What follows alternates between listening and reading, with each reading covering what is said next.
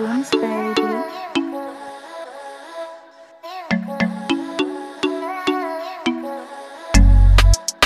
en welkom bij Unfolding Mee.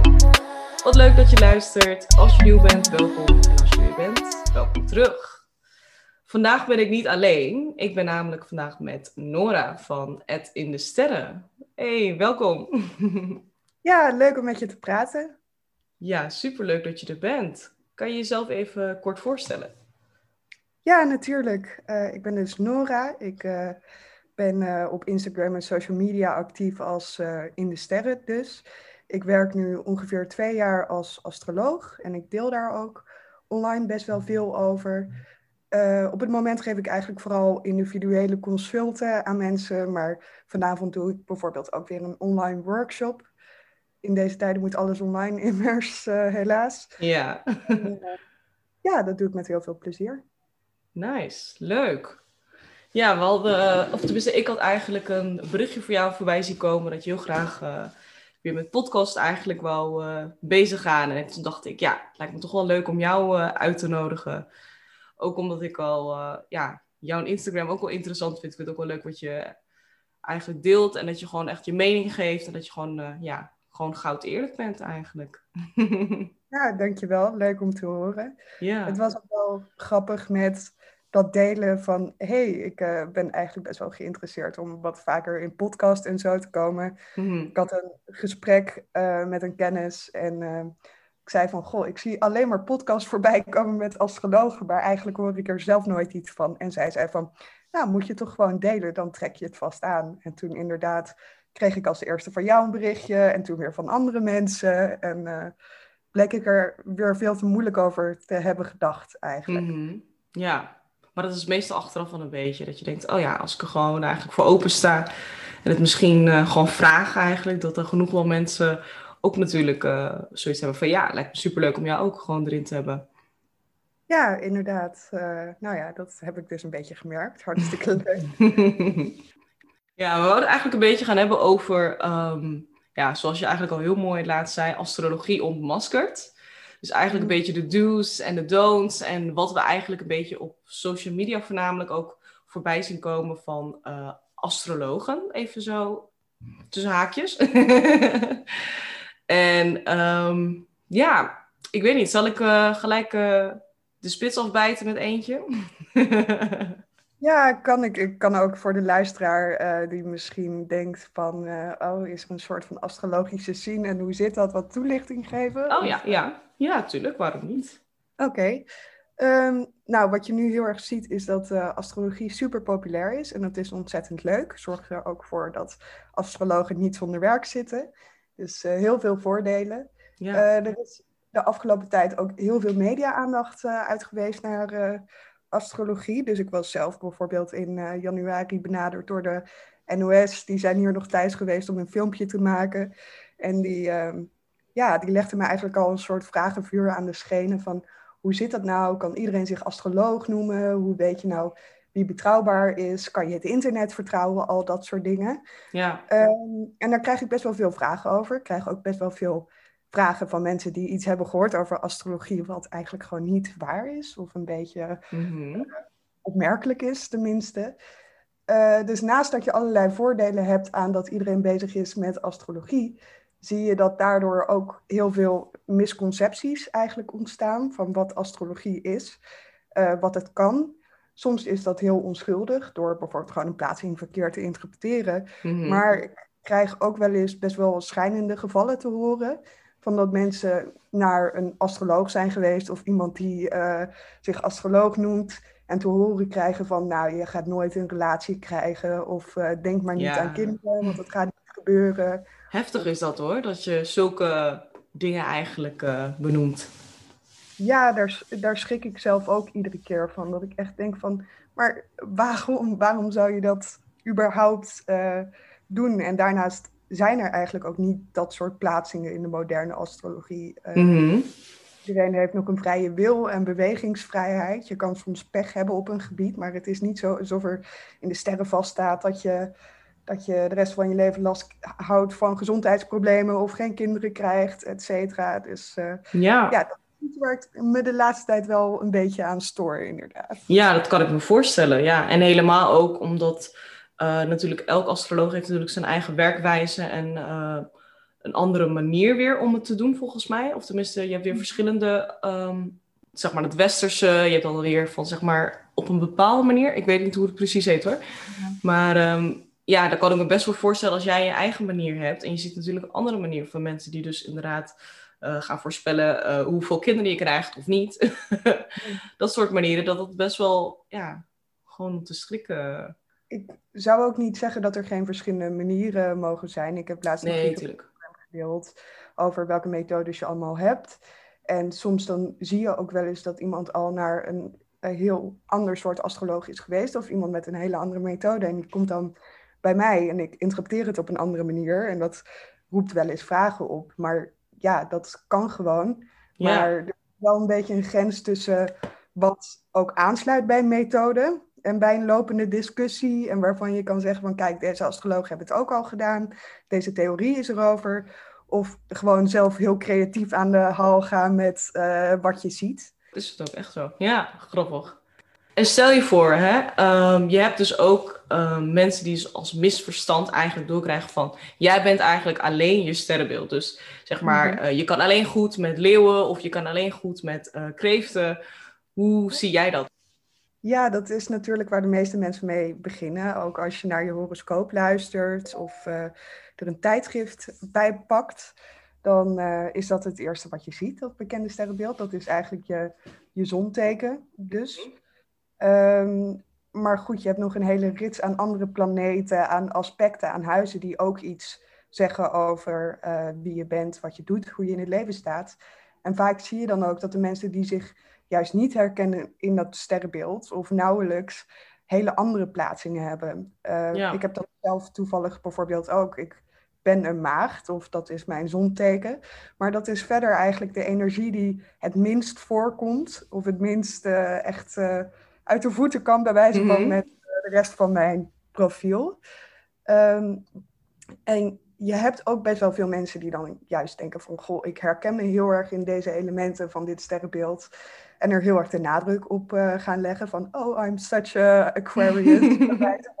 ja, ja. uh, maar daarmee ook weer dingen voor zichzelf gaan uh, aanvullen of dingen overdrijven of alles wat ze meemaken proberen te relateren aan hun sterrenbeeld. Ja. Meestal heeft het dan ja, wel te maken met, met andere invloeden. Ja. Dus zeker iets. En dan gaat er meestal ook een wereld voor je open op het moment dat je ontdekt dat je inderdaad niet alleen je zonteken bent begin je met je maanteken, met je ascendant, kom je Zeker. erachter dat je eigenlijk nooit uitgeleerd bent en dat er nog zoveel uh, te zien is. Ja. ja, dat heb ik zelf ook, want ik heb dan als zonleeuw. Maar mm-hmm. ik kon me niet helemaal in dat leeuw vinden, zeg maar. Ik hoorde heel vaak van, ja, leeuw en altijd in de schijnwerpers en een beetje egoïstisch en dit en dat. En ergens kan ik bepaalde delen wel in vinden, maar niet overal. En ik dacht van, dat klopt niet. Zodat ik later erachter kwam van, oh, je hebt een hele geboortehoroscoop met hè, planeten en huizen. En dat er dus meerdere um, sterrenbeelden eigenlijk in andere planeten kunnen staan. En toen dacht ik, oh, wauw. En toen kwam ik dus bijvoorbeeld achter dat uh, mijn maagd in Mercurius staat. Toen dacht ik, aha, weet je, ja, dit, dit voel ik wel inderdaad. Of bijvoorbeeld dat mijn tweelingen in, uh, in de maan staat. Dat ik ook wel weer bijzonder vond. Dat ik dacht van, oh, dat vond ik eerst... Uh, kon ik me niet nog heel erg goed in vinden, dat ik het later ging begrijpen. En toen bij jou ook een workshop had meegemaakt, toen begon ik het ook steeds meer te begrijpen. Ik dacht van, oh ja, ja, zo zit dat allemaal. Mm. Ja, inderdaad. Leuk dat je dat ook nog even noemt. En uh, heel vaak zie je het heel letterlijk terug, dat de mensen die zich het minst ergens in herkennen, dat dat een soort van ligt aan een andere invloed. En bij leeuw hoor ik inderdaad het allermeest dat van, ja, maar ik wil helemaal niet de hele tijd in de schijnwerper staan. Ja. Dat is zelf ongemakkelijk. Ja. En er zijn in die end denk ik best wel weinig leeuwen die daadwerkelijk echt full-on in hun leeuwenergie zitten. Ja. Bij van, meestal is er wel iets dat een nuance geeft of ervoor zorgt dat dat niet de hele tijd zo hoeft te zijn. Ja. En uh, daarnaast zie je ook wel dat als je gaat googlen naar sterrenbeelden, dat je heel snel te maken krijgt met uh, allerlei stereotypes die Mhm. in de praktijk helemaal niet zo hoeven te werken. Ik zelf merk dat bijvoorbeeld met eh, mijn eigen ascendant in schorpioen. Bij sommige tekens is het erg, bij andere tekens is het echt heel erg. Bijvoorbeeld leeuw en schorpioen, die worden altijd op zo'n extreme manier ja. En dan lees je echt van die omschrijvingen alsof eh, als je een schorpioen ascendant eh hebt, alsof je extreem sexy en mysterieus moet zijn. Een beetje zo'n zo'n ja, zo'n vrouw in een film bij wijze van. ja, ja, ja. Dat de meeste schorpioen ascendanten denken van, oh, klopt mijn ascendant dan wel? Want eh, in mijn geval, ik ben nogal onhandig, kan ook best wel uitgesproken zijn. Ehm, ik heb nou niet echt die stereotype uitstraling, zou te zeggen. Dus eh, Ja. dat is ook een factor. Ja, dat is ook wel grappig inderdaad. Dat was, daar had ik trouwens ook nog eigenlijk een vraag over. Ehm, dat mensen ook heel erg zeggen dat eigenlijk eh, met je zonteken, dat dat heel erg te maken heeft met je uiterlijke kenmerken. Maar ik had begrepen dat het eigenlijk je ascendant meer is, toch? Zeg Ja, maar, als je het echt over het fysieke gaat hebben en eh, aan de buitenkant, zeg maar. Ja, ja, goede vraag. Eh, het is meestal niet alleen je zonteken, anders dan zou je ook, nou ja, onder al je vrienden haast kunnen raden wat hun sterrenbeeld is. Ja, ja. Ehm, je ascendant is vaak inderdaad belangrijker, maar ook eigenlijk welke, welke planeten bijvoorbeeld dominant zijn of heel sterk benadrukt. Mm. Dus Mhm. je hebt ook dat ehm, iedere planeet hoort eigenlijk van nature bij een teken. Dus ehm, zon in leeuw. Dus bij leeuwen zie je meestal toch wel een beetje net dat uiterlijk. Maar bijvoorbeeld de maan in kreeft. Dus mensen met een maan in kreeft, die kan je meestal, als je er wat kennis van hebt, ook wat makkelijker uitpikken. Tenzij ze net een ascendant hebben die weer hele andere kenmerken uitdraagt, zo maar te zeggen. Dus meestal ja, is het een soort van mix van allerlei elementen uit je profiel. Zorgt er niet voor dat het echt onmogelijk is om bijvoorbeeld het te raden. Ik vind het zelf heel leuk om, eh, om van een afstand te raden, zeg maar, welke, welke sterrenbeelden aanwezig zijn. Ja. Maar eh, je kan dan minder goed zeggen van, oh, die heeft een zon in zo. Maar dan wordt het eerder van, oh, die heeft waarschijnlijk die ascendant. Of hij heeft in ieder geval dat teken heel sterk aanwezig. Dus dan ga je meer inschattingen maken over hoe dat profiel er in het algemeen uitziet. Dan dat je Ja. echt precies iets kan raden. Ja. Ja, grappig. Ja, ik probeer het ook wel eens te doen, maar ja, dat, dat gaat totaal andere kant op. Denk ik, oh, oké, laat maar. Maar dan meestal natuurlijk als je dan vraagt wat is je sterrenbeeld, dan gaan mensen alleen hun zonteken zeggen. En dan zeg ik, nee, maar ken je de andere ook? Of, oh nee, dat ken ik niet. En dan wanneer ik dat vertel, gaat er ook weer een wereld open. En dan is het, oh jee. Into the rabbit hole. Ja, precies. Ik heb wel echt één keer gehad, dat is wel een voordeel van de populariteit van astrologie, dat je tegenwoordig, of tenminste voor corona, op een feestje of een borrel, dat er altijd wel één iemand was die het ook leuk vond. ja. Want ontmoeten en dat een vriendin vrij snel zei van, oh, zij is astroloog. En die ander helemaal enthousiast en eh, ik ook enthousiast. En toen vroeg ik of ik bij haar, nou ja, haar zonmaan ascendant mocht raden. Ook omdat zij juist echt een paar typische gezichtskenmerken had Ja. eh, die er wat meer uitsprongen, zo te zeggen. Niet eh, op een vervelende manier, maar dat je denkt van, oh, dat, dat geeft echt een soort vis-vibe af, bijvoorbeeld. Mhm. Dan had ik ze echt alle drie in één keer juist. En zij was ook zo van, wat? en ik was ook heel tevreden met mezelf, want zo exact gebeurt natuurlijk nauwelijks. Super grappig, ja. maar het is toch wel leuk dat je er een soort van een sport van kan maken. Dat je dat eigenlijk dan probeert te raden zo. Ja. Nee, misschien dat ik dat als, eh, als maagd ook extra leuk vind om eh, eigenlijk andere mensen een beetje de les te, te lezen over zichzelf. Dat, eh, daarom past het vaak ook wel goed bij me, want je bent in principe zo van, hé, hey, ik ken je niet, ga zitten, hier heb je een geboorteprofiel en nu ga ik jou zeggen hoe je ja. dat herken ik wel inderdaad. Mijn vriend is een maagd dus, eh, en mijn moeder en mijn broertje. Dus ja, alleen maar maagden om me heen. Dus ik, ik ken het wel heel erg dat mensen heel graag eh, mij iets willen leren. Ja, Nu heb ik een andere misverstand die ik eigenlijk een beetje de wereld uit wil helpen. Is de retrogates. En Mhm. voornamelijk de retrograde in Mercurius. Dat heel veel mensen dan echt paniek en oh jee, en alles gaat mis. Communicatie, technologie. Hoe, eh, hoe werkt dat voor jou? Eh, en hoe kijk jij ernaar, zeg maar? Uh, ja, leuke. Inderdaad, iets waar heel veel uh, misverstanden over bestaan. Um, wat er eigenlijk gebeurt tijdens een retrograde uh, is dat, of dan zeg ik het in het Nederlands, mm-hmm. is dat het lijkt alsof um, ja, de planeten achteruit lopen aan de hemel. En dat zou een bepaalde energie afgeven. Um, als je bent geboren onder een retrograde, wordt bijvoorbeeld vaak gezegd, is het eigenlijk alsof die energie dus achteruit gaat. Dus in plaats van dat hij zich naar buiten keert, keert hij zich naar binnen. Mhm. Eh, en dat kan wel eens verwarrend zijn. Um, nu ben ik wel heel erg van, uh, van de school van iedereen die ook geboren is onder een retrograde. Uh, proberen te laten zien welke voordelen het heeft. Dus Zeker. als je bent onder een retrograde van Mercurius, dat zijn heel vaak hele originele en creatieve mensen bijvoorbeeld. Mm je hebt alsnog wel nadelen hoor, daar niet van. Dus uh, wel vaker een innerlijke dialoog, twijfelen aan hoe je iets moet uitdrukken, al dat soort dingen, omdat Mercurius zich dus naar binnen keert in plaats van naar buiten. En tijdens zo'n retrograde kan je eigenlijk het haast zien alsof bepaalde dingen moeten worden opgeruimd. Alsof je weer even opnieuw moet stilstaan bij de energie van die planeet. Mm. Alsof de planeet eigenlijk zegt van, hé, hey, dingen gaan niet altijd vanzelf of werken niet altijd mee voor je. Dus ga er nu even op reflecteren of kijk even naar welke dingen je los mag laten. Mhm. En in van Mercurius gaat het dan met name over, over je communicatie met andere mensen bijvoorbeeld. Daarom staat hij ook bekend om die miscommunicatie of ongewenste communicatie. Ja. Of uh, thema's uit het verleden die weer naar voren komen. Maar daarnaast kan die dus ook heel waardevol zijn om bepaalde hoofdstukken af te sluiten. Dus juist die ex die je bij wijze van weer een berichtje stuurt, om daar eindelijk een punt achter te zetten, juist als het allemaal even wat moeilijker gaat. Daarnaast heb ik ook het idee dat um, ja, bepaalde retrogrades kunnen pittiger zijn dan andere. Dus bijvoorbeeld de eerste die we dit jaar hadden in Waterman, dat was een retrograde waarvan geloof ik heel veel mensen zeiden, oeh, dat, uh, dat, daar die ging was wel, wel uh, Die ging wel inderdaad wel pittig volgens mij, ja. Want ik zag inderdaad van heel veel mensen ook voorbij komen.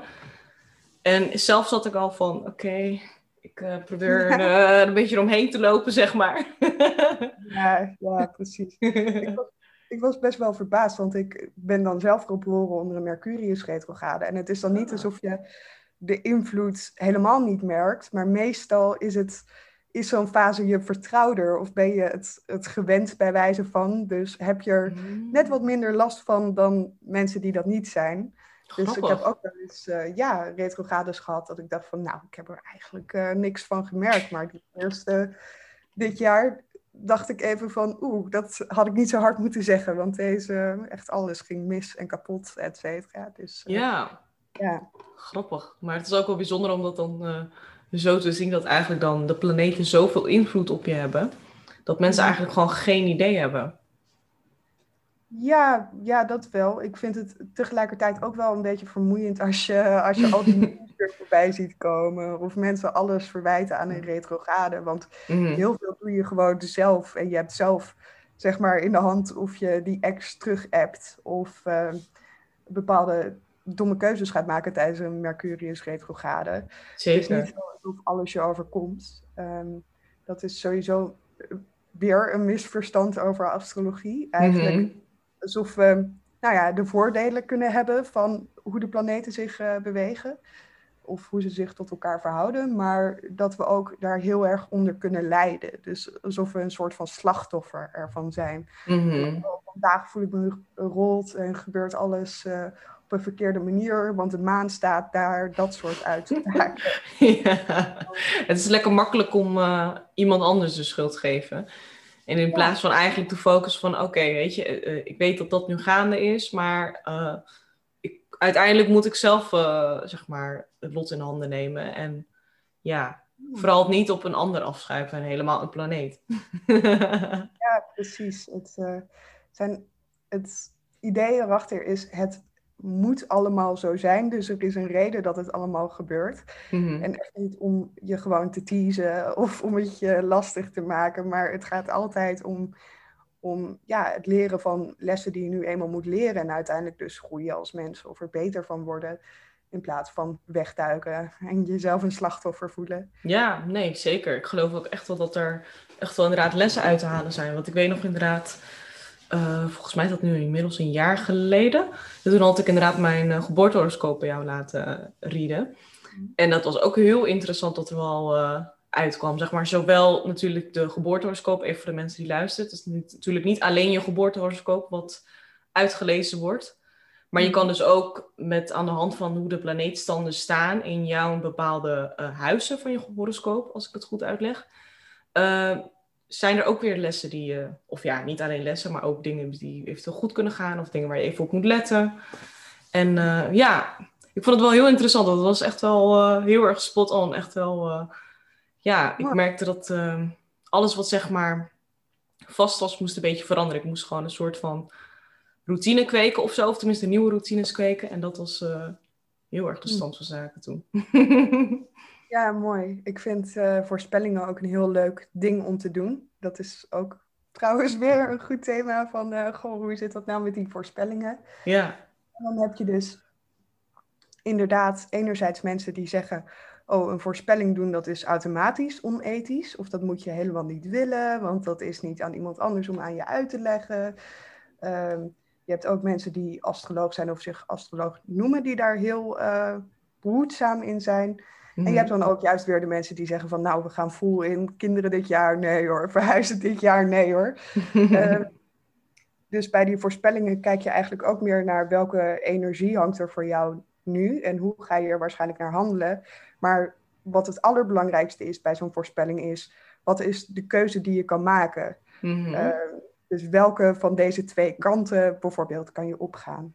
En dan zie je weer goed die combinatie tussen enerzijds, ja, er zijn nu eenmaal energieën die spelen en uh, er, er gebeuren dingen. Anderzijds, je hebt wel de vrijheid om daar keuzes in te maken of ja.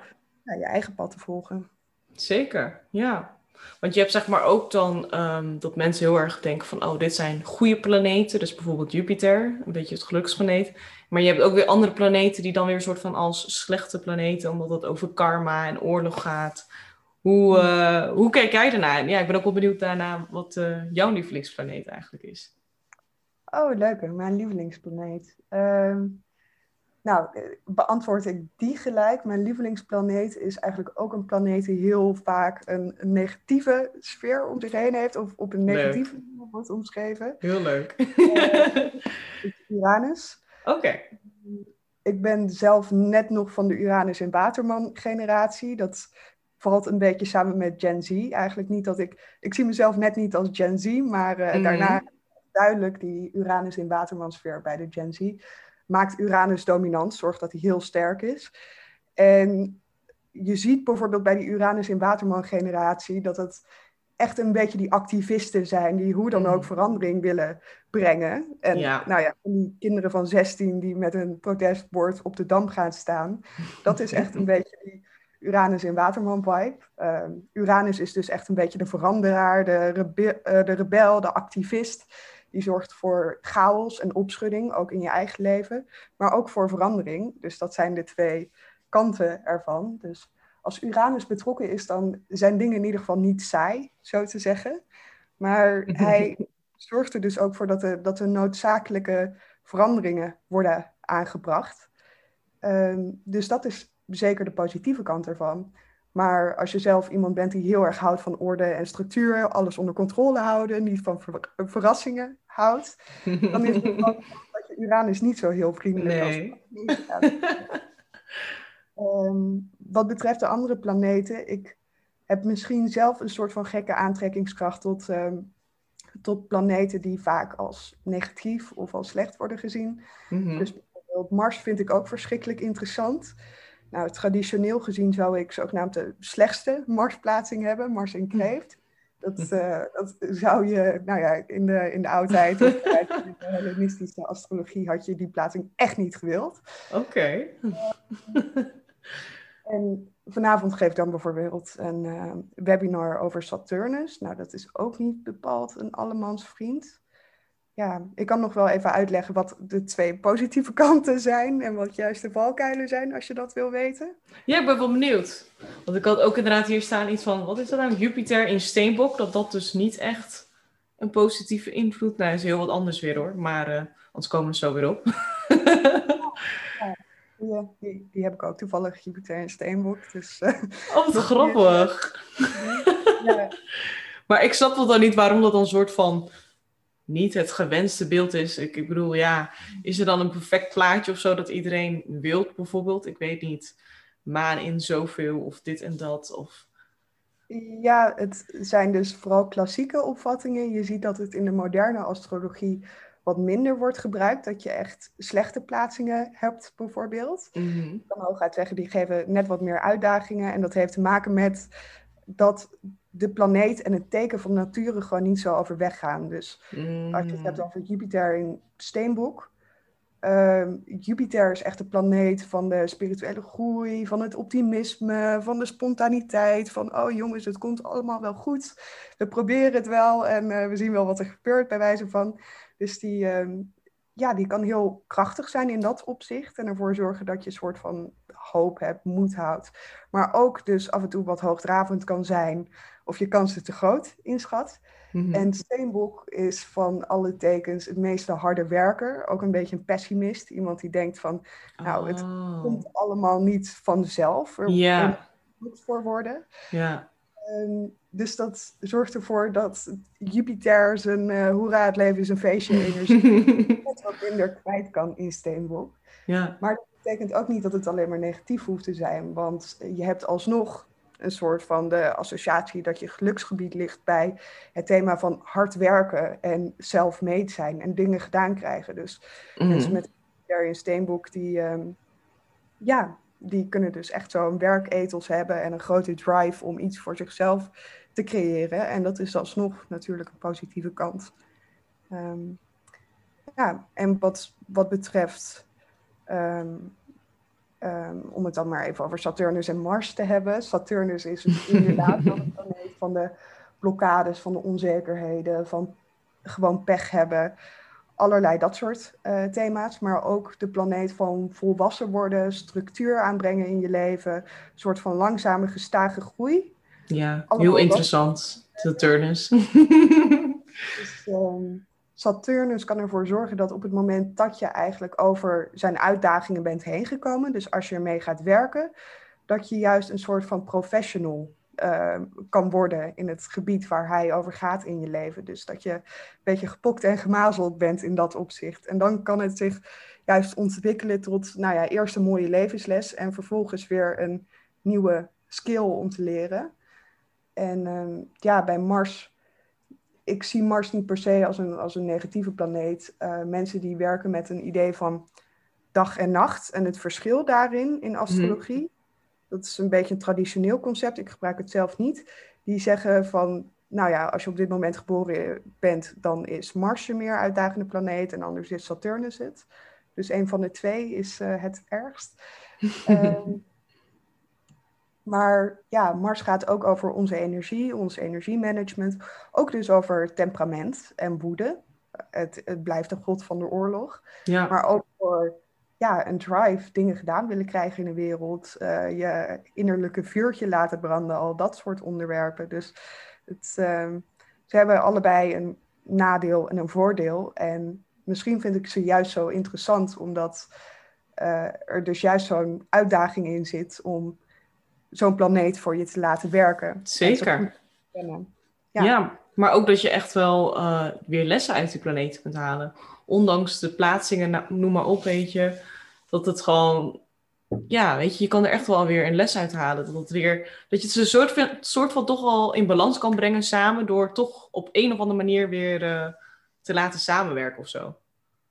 Ja, precies. Ik weet ook niet of ik uh, astrologie zo super interessant zou vinden als het echt alleen maar zou gaan om van, nou, deze pech heb je, deal er maar mee. Ja. Ik vind het hele proces van, oké, wat zijn de uitdagingen van deze plaatsing en hoe kan je hem beter maken? Dat vind ik het leuke eraan. En daarom heb je er eigenlijk ook vooral wat aan. Ja, het is toch wel een stukje van hè, ehm, jezelf leren kennen, hoe je ermee kan omgaan. En dat je dat ook weet voor jezelf. Het is eigenlijk gewoon een, puur een stukje bewustzijn en acceptatie van, oké, dit is eigenlijk hoe ik ben. En dat is prima. Het hoeft niet erg te zijn als je zo'n plaatsing hebt. Dat hoeft niet gelijk uh, een of andere karma te zijn, dat het dan allemaal verkeerd gaat en pech. Maar uh, ja, juist hoe je ermee kan leven. En het, heeft, het is toch wel een soort van een tool wat je mee kan nemen in je leven. Ja, zeker. Het is denk ik eerst accepteren. Dat kan al heel fijn of geweldig zijn. Uh, bijvoorbeeld bij vrouwen die veel waterplaatsingen hebben, maar wel heel ambitieus zijn. Die kunnen door astrologie gaan inzien van oké, die gevoelige kant van mezelf mag er gewoon zijn en ik ben geen aansteller als ik me terug wil trekken. Dat is gewoon een beetje hoe ik werk. En juist op het moment dat ik eigenlijk eer hoe ik in elkaar zit, mhm. dan kan ik de positieve kanten van deze plaatsing meer zien. Dus dan kan ik zien dat zo'n waterplaatsing uh, heel behulpzaam is, heel zorgzaam, echt een soort van ja, liefhebbende energie de wereld in kan brengen. Maar dan moet hij wel opgeladen zijn en niet overprikkeld, omdat hij de hele tijd gepusht wordt om dingen te doen waar hij eigenlijk geen zin in heeft. Ja. Uh, dus eerst die acceptatie en daarna kijken van, goh, hoe kan ik er nou voor zorgen dat deze energie op een nog positievere manier in mijn leven zich kan manifesteren. Zeker, ja. Zeker, heel mooi gezegd. Heb jij nog eigenlijk een misverstand waarvan jij denkt in astrologie, of wat je misschien op de social media ziet, van uh, bepaalde astrologen, waarvan je denkt, nee, dat, dit, hier moet je echt voor oppassen of uh, trap daar niet in? Ik denk even na hoor. Er zijn, uh, er zijn meerdere dingen. Sowieso denken mensen heel erg in stereotypes. Dat kan ook prettig zijn. Mm dat weet ik zelf goed als maagd, hoe uh, comfortabel hokjes denken kan zijn. dat zie je wel vaak terugkomen in so eh, op social media. Um, wat ik verder bijvoorbeeld de laatste tijd, wat me een beetje hoog zit, is hoeveel aandacht er met name op social media uitgaat naar uh, het fenomeen van de noordelijke maanknoop en de zuidelijke maanknoop. Mm -hmm. Dat zijn eigenlijk een soort van punten in je geboorteprofiel en in, in je horoscoop, die gaan over karma en ook een beetje over vorige levens. Um, en als iets gaat over vorige levens of over levensmissie, want daar gaat de Noordelijke Maanknoop over, dan zijn mensen natuurlijk gelijk hyped en willen ze het weten. Ja. um, maar dat zorgt er ook voor dat mensen zich er best wel op blind kunnen staren, op die twee punten, terwijl ze niet het belangrijkste zijn van de horoscoop.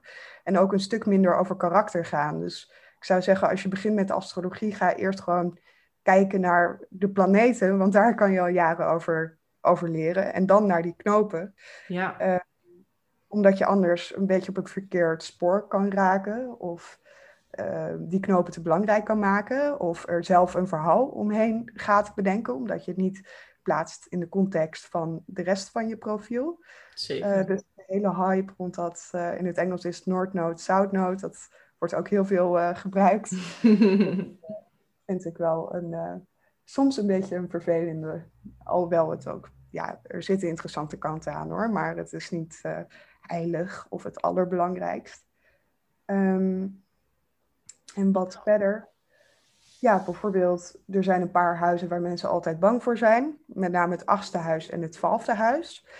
Uh, het achtste huis is het huis van loslaten, van transformatie. Maar het wordt dus heel vaak geassocieerd met de dood eigenlijk, of uh, geboren worden en de dood en crisis en mm dat soort thema's. Nou, logisch dat als je dat leest en je ziet dat je zon achter huis staat, ja. dat je gelijk een beetje kriegelig wordt. um, maar ja, inderdaad. Uh, maar dat hoeft meestal helemaal niet zo te zijn. Dus met een zon in het achtste huis kan het er juist voor zorgen dat je enerzijds best intens bent dat het onderwerp transformatie heel belangrijk is in je leven. Dus dat je het idee hebt dat je constant door nieuwe groeiprocessen moet gaan. Mm-hmm. Maar het betekent absoluut niet dat je de hele tijd te maken krijgt met letterlijk mensen die uh, doodgaan om je heen. Of iets. Ja. Um, het is een beetje zoals die tarotkaart, uh, de dood. Ja, de dood. Ja, ja precies zo. Ja. terwijl er ook kanten aan zitten. Plus natuurlijk uh, cijfer 8 staat natuurlijk voor het oneindige, dat infinity. Dus Weet je, mensen die zijn natuurlijk gelijk bang, maar je moet natuurlijk wel inderdaad meer gaan verdiepen in bepaalde uh, planeten, tarot, noem maar op, om echt inderdaad echt te weten wat het nou echt is. En niet alleen letterlijk, oh, dat betekent dood. En ja. ja, precies. En dan tijdens uh, transits bijvoorbeeld in het achtste huis, als planeten voor jou persoonlijk door het achtste huis lopen, zie je bijvoorbeeld heel vaak dat er juist een kind wordt geboren. En mensen die dan net een beetje bezig zijn met astrologie, die hadden dat dan nou niet verwacht van het achtste huis. Maar dat is ook een achtste huisthema. Ja, dat kan er natuurlijk ook bij, ja. Mhm. Heel bijzonder. En wat was er nou met het twaalfde huis, zei je? Ja, het twaalfde huis is ook een beetje zo'n gevreesd huis. Uh, omdat hij wordt geassocieerd met het onderbewuste en met de psyche. Uh, in zekere zin wordt hij ook weer geassocieerd met spiritualiteit. Er wordt ook wel gezegd van het twaalfde huis dat het een beetje het huis is van het verborgene. Daarom heeft hij een de associatie. Hmm. Uh, dat kan er heel concreet voor zorgen. Dat, stel je voor je Mercurius die staat in het twaalfde huis, dan kan je vaker in je leven nou, te maken krijgen met verlegenheid of teruggetrokken zijn. Of uh, gewoon niet zo communicatief de wereld in willen, maar nodig hebben voor jezelf op dat vlak. Echt meer naar binnen inderdaad. Uh... Ja, maar for some reason is er een soort van verhaal ontstaan rond het twaalfde huis. Alsof er altijd mentaal een soort van steekje los zit haast. Sorry dat ik daar een beetje stom moet. Ja, nee, maar ik moet wel lachen eigenlijk ook. Want ik heb dan volgens mij mijn maan in het twaalfde huis. Ja. dus ik vind het wel grappig. Want ik had het inderdaad wel eens gelezen dat dat dan heel erg gevreesd was, het twaalfde huis. Maar zat ja. ik, oh, ik zie hem niet zo. Maar uh, ik vind het wel grappig dat je dat zegt, dat steek je los. Ja. Met uh, je maan in het twaalfde huis kan het soms meer een uitdaging zijn om je emoties nou echt te begrijpen. Weet je wel, haast alsof ze wat meer van jou zijn. En wat is dit nou? Waar komt het vandaan? Dat is dan wel misschien het verborgene. Ja, maar soms ook het spirituele. Dus je ziet meestal dat mensen met een maan in het twaalfde huis heel intu uh, intuïtief zijn heel veel aanvoelen, heel veel meemaken, die andere, dingen meemaken die andere mensen niet meemaken. Dus dat zijn juist eigenlijk hele mooie dingen aan die plaatsing, als je zo zeker. Ja, zeker. Zeker. Maar dat is ook met heel veel plaatsen inderdaad. Dat, uh, ja, je moet het maar echt omarmen en ook echt wel gewoon induiken en leren kennen van hè, hoe zit dat nou? En niet alleen dat oppervlakkige wat wij uh, vertellen over social media, dat je dat allemaal klakkeloos moet gaan geloven. Dat er veel meer dan dat is. Ja, Heel grappig. Ja, precies. Uh, een andere astroloog die zei ooit in een podcast, geloof ik, dat je in principe nog meerdere levens door kan gaan met het bestuderen van astrologie. Want nou, in één leven ben je nog niet uitgeleerd, bij wijze van. Ja, zeker. Geloof ik ook echt wel. Maar ja, dat is met alles in het leven. Je bent nooit uitgeleerd. Dus altijd meer en meer en meer. Ja, het is gewoon ook een menselijk verlangen om hele moeilijke dingen in hokjes of in concrete oplossingen te willen mhm. vatten. En astrologie ook zo gebruiken van, oh nee, ik doe dat, want, uh, want ik ben een ram, et cetera. ja. ja, ik geef alleen uh, mijn tweelingen in maan soms wel eens de schuld uh, van sommige dingen, maar voor de rest... De rest hou ik er buiten. Alleen mijn maanden. mag af en toe wel, uh, wel, wel een plaatsje beschrijven. Ja, ja, maar gewoon voor de grap. Het is natuurlijk, je moet het ook niet te serieus nemen. Ja, natuurlijk neem je het serieus. Dat zeker, want ik geloof er echt heilig in. Maar het is natuurlijk wel zo, uh, je moet het niet zeg maar, zoals we net zeiden, dat, dat je slachtofferrol ingaat. En dan alles om je heen de schuld geeft. Ja, precies. Of denken, ik kan deze dingen in mijn leven niet doen. Wat mijn astrologie zou zeggen dat ik iets uh, anders moet doen. Trouwens, meestal als je, als je dan echt je profiel uitdiept of het voorlegt aan een astroloog, dan komt er alsnog zeg maar uit wat je eigenlijk wil doen. maar alsnog, als je een ander idee krijgt, dan uh, ja, dat zou echt zonde zijn om, om het op die manier te gebruiken of tegen je te gaan laten werken. Ja, zeker. Grappig. Ik ben ook eigenlijk wel benieuwd eigenlijk. Heb je wel eens een keer ehm, ja, iemand bij je gehad die helemaal niet uh, erin geloofde? Of die daarna ook gewoon zoiets had van, wat is dit? Als je het wilt bespreken trouwens. Moet ik wel even bij eh, zeggen. ja, leuke vraag. Ehm, ik heb soms bijvoorbeeld dat mensen uh, hun partner een reading cadeau doen. En dan meestal wel een vrouw die hun man een reading cadeau doet. Mm En dan totaal sceptisch in. Want als je echt anti-astrologie uh, bent en dan krijg je een reading cadeau, dat zou ook wel een provocatief cadeau zijn. Ja, is niet echt uh, gewenselijk. maar ja, dan kan je wel, als het niet je eigen initiatief uh, was, wellicht wat sceptischer in staan. Maar ik heb nog nooit gehad dat mensen eigenlijk zeiden van, ah, hier herken ik me niet in, of ik vond het zonde, et cetera.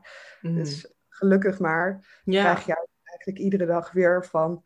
Wow, ik had niet verwacht dat het zo gedetailleerd zou zijn. Of soms hoor je nog wel eens over astrologie van... Ja, die horoscopen zijn zo geschreven zodat iedereen zich erin herkent. Maar Mhm. tijdens het lezen van een geboorteprofiel wordt het gewoon zo gedetailleerd en zo Zeker. specifiek. Dat mensen gewoon ja, denken van, nou, dat, dit is echt niet meer dat invullen zodat het voor iedereen klopt. Als iemand zegt dat, eh, dat ik eh, waarschijnlijk deze baan heb en dat er iets gebeurde op, eh, op deze leeftijd op school. Mhm. Eh, hoe lang ik over mijn opleiding heb gedaan of welke opleiding ik heb gedaan of waar ik woon. Ik noem maar allerlei voorbeelden. Ja. Het gaat gewoon heel breed. Zeker, maar dat is gewoon heel mooi hoe je dat dan weer zo ziet in een geboortehoroscoop. Hoe dat allemaal gewoon klopt. Dat alles, elke plaatsing eigenlijk, dat het gewoon echt klopt ook gewoon. Dat je denkt, ja, ik had het ook niet anders gedacht. Ook al heb je misschien wel in je hoofd misschien een wenselijk of een droomhoroscoop, ik weet het niet. Maar eh, ik vind het wel heel mooi om dat zo te zien. Ja, het is wel vaak gewoon een bevestiging van wat je al weet. Er komt ook altijd iets nieuws voorbij, maar soms kan je al heel veel hebben van een aan een bevestiging van wat je al weet. Ja, Het laatste zet je in je rug om bijvoorbeeld een keuze te maken eh, die echt in lijn is met wie je bent en wat je eigenlijk wil op de wereld. Dus krijg best wel vaak terug dat mensen eh, niet veel later na zo'n reading van baan wisselen of eh, naar een andere koers inslaan in hun leven. Niet dat ik ze daartoe dwing of zo. nee, nee, nee. Het, het opent letterlijk je ogen. Het is gewoon echt letterlijk, eh, je leert jezelf kennen en op een gegeven moment ga je er gewoon aan toegeven. Het, het is ook natuurlijk iets wat je onbewust al weet, maar iemand moet het je toch eigenlijk soort van vertellen. Dat is net als inderdaad met een kaartlezing of met andere eh, spirituele eigenlijk eh, diensten, dat je dan toch echt wel eh, achterkomt wie ben je en dit hoort nou eenmaal bij je. Ja, ja inderdaad. Goed gezegd. Ja. oh ja, vraag je eigenlijk. Hoe zit het nou als mensen dus eigenlijk zoiets hebben na het luisteren van dit? Ja, ik wil nu al- eigenlijk ook met mijn geboortehoroscoop beginnen. Wat is de basiswaarde? Hoe begin je eigenlijk ermee?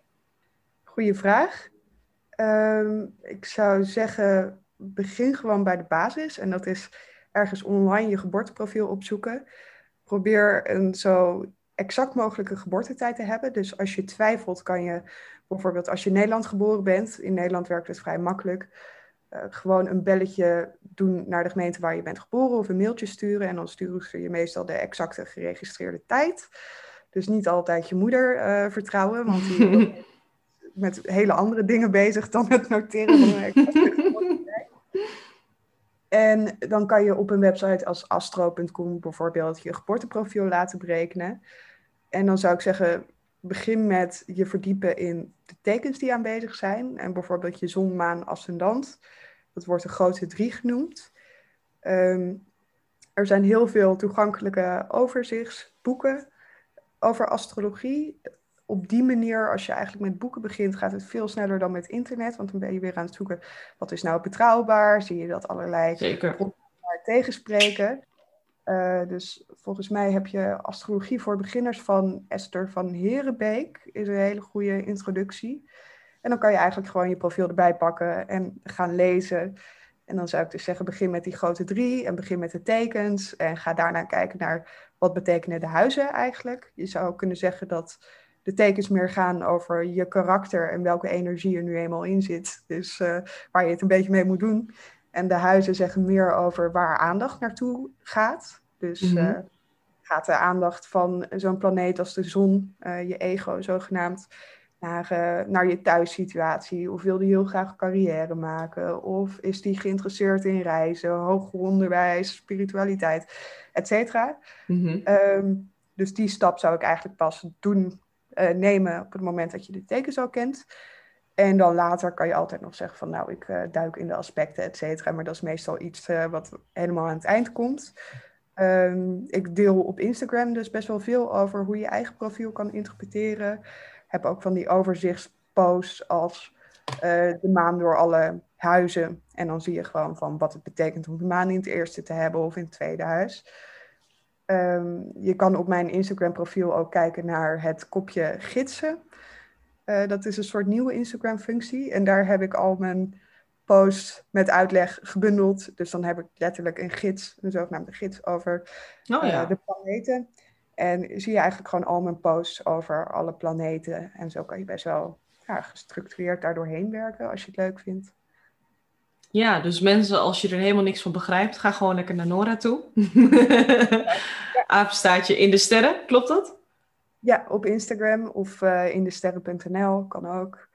Um, en wat ook heel fijn kan zijn als je dit nou heel interessant vindt, maar je weet niet waar te beginnen, om bijvoorbeeld een reading bij een astroloog te plannen, dan krijg je het gewoon in één keer uh, allemaal uitgelegd. En heb je daarna ook een idee van hoe die planeten en die huizen nu een beetje werken. En kan je dus ook de profielen van bijvoorbeeld vrienden en familie net wat makkelijker lezen dan als je zelf nog alles moet uitvinden. Ja. Dus dat is ook altijd nog een optie. Zeker, yes. Dankjewel. Nou, Echt graag uh, gedaan. Uh, super interessant. En uh, heel fijn wat je allemaal hebt verteld en hebt uitgelegd. En ik denk ook dat voor iedereen dat ook wel duidelijk is. Nou, super. Ik uh, vond het leuk om, om even met je te praten hierover. En al mijn ideeën over die misconcepties te delen. Ook. ja. ja, het is toch wel belangrijk dat we toch misschien iemand erbij kunnen helpen. door dat niet te veel zich aan vasthouden, zeg maar. Ja, precies. Ik denk dat je al genoeg populaire astrologie ziet met. en genoeg memes ziet. Dus ja. tegenwoordig kan geen kwaad. Daarom. Vooral lekker erop lachen. ja, ja.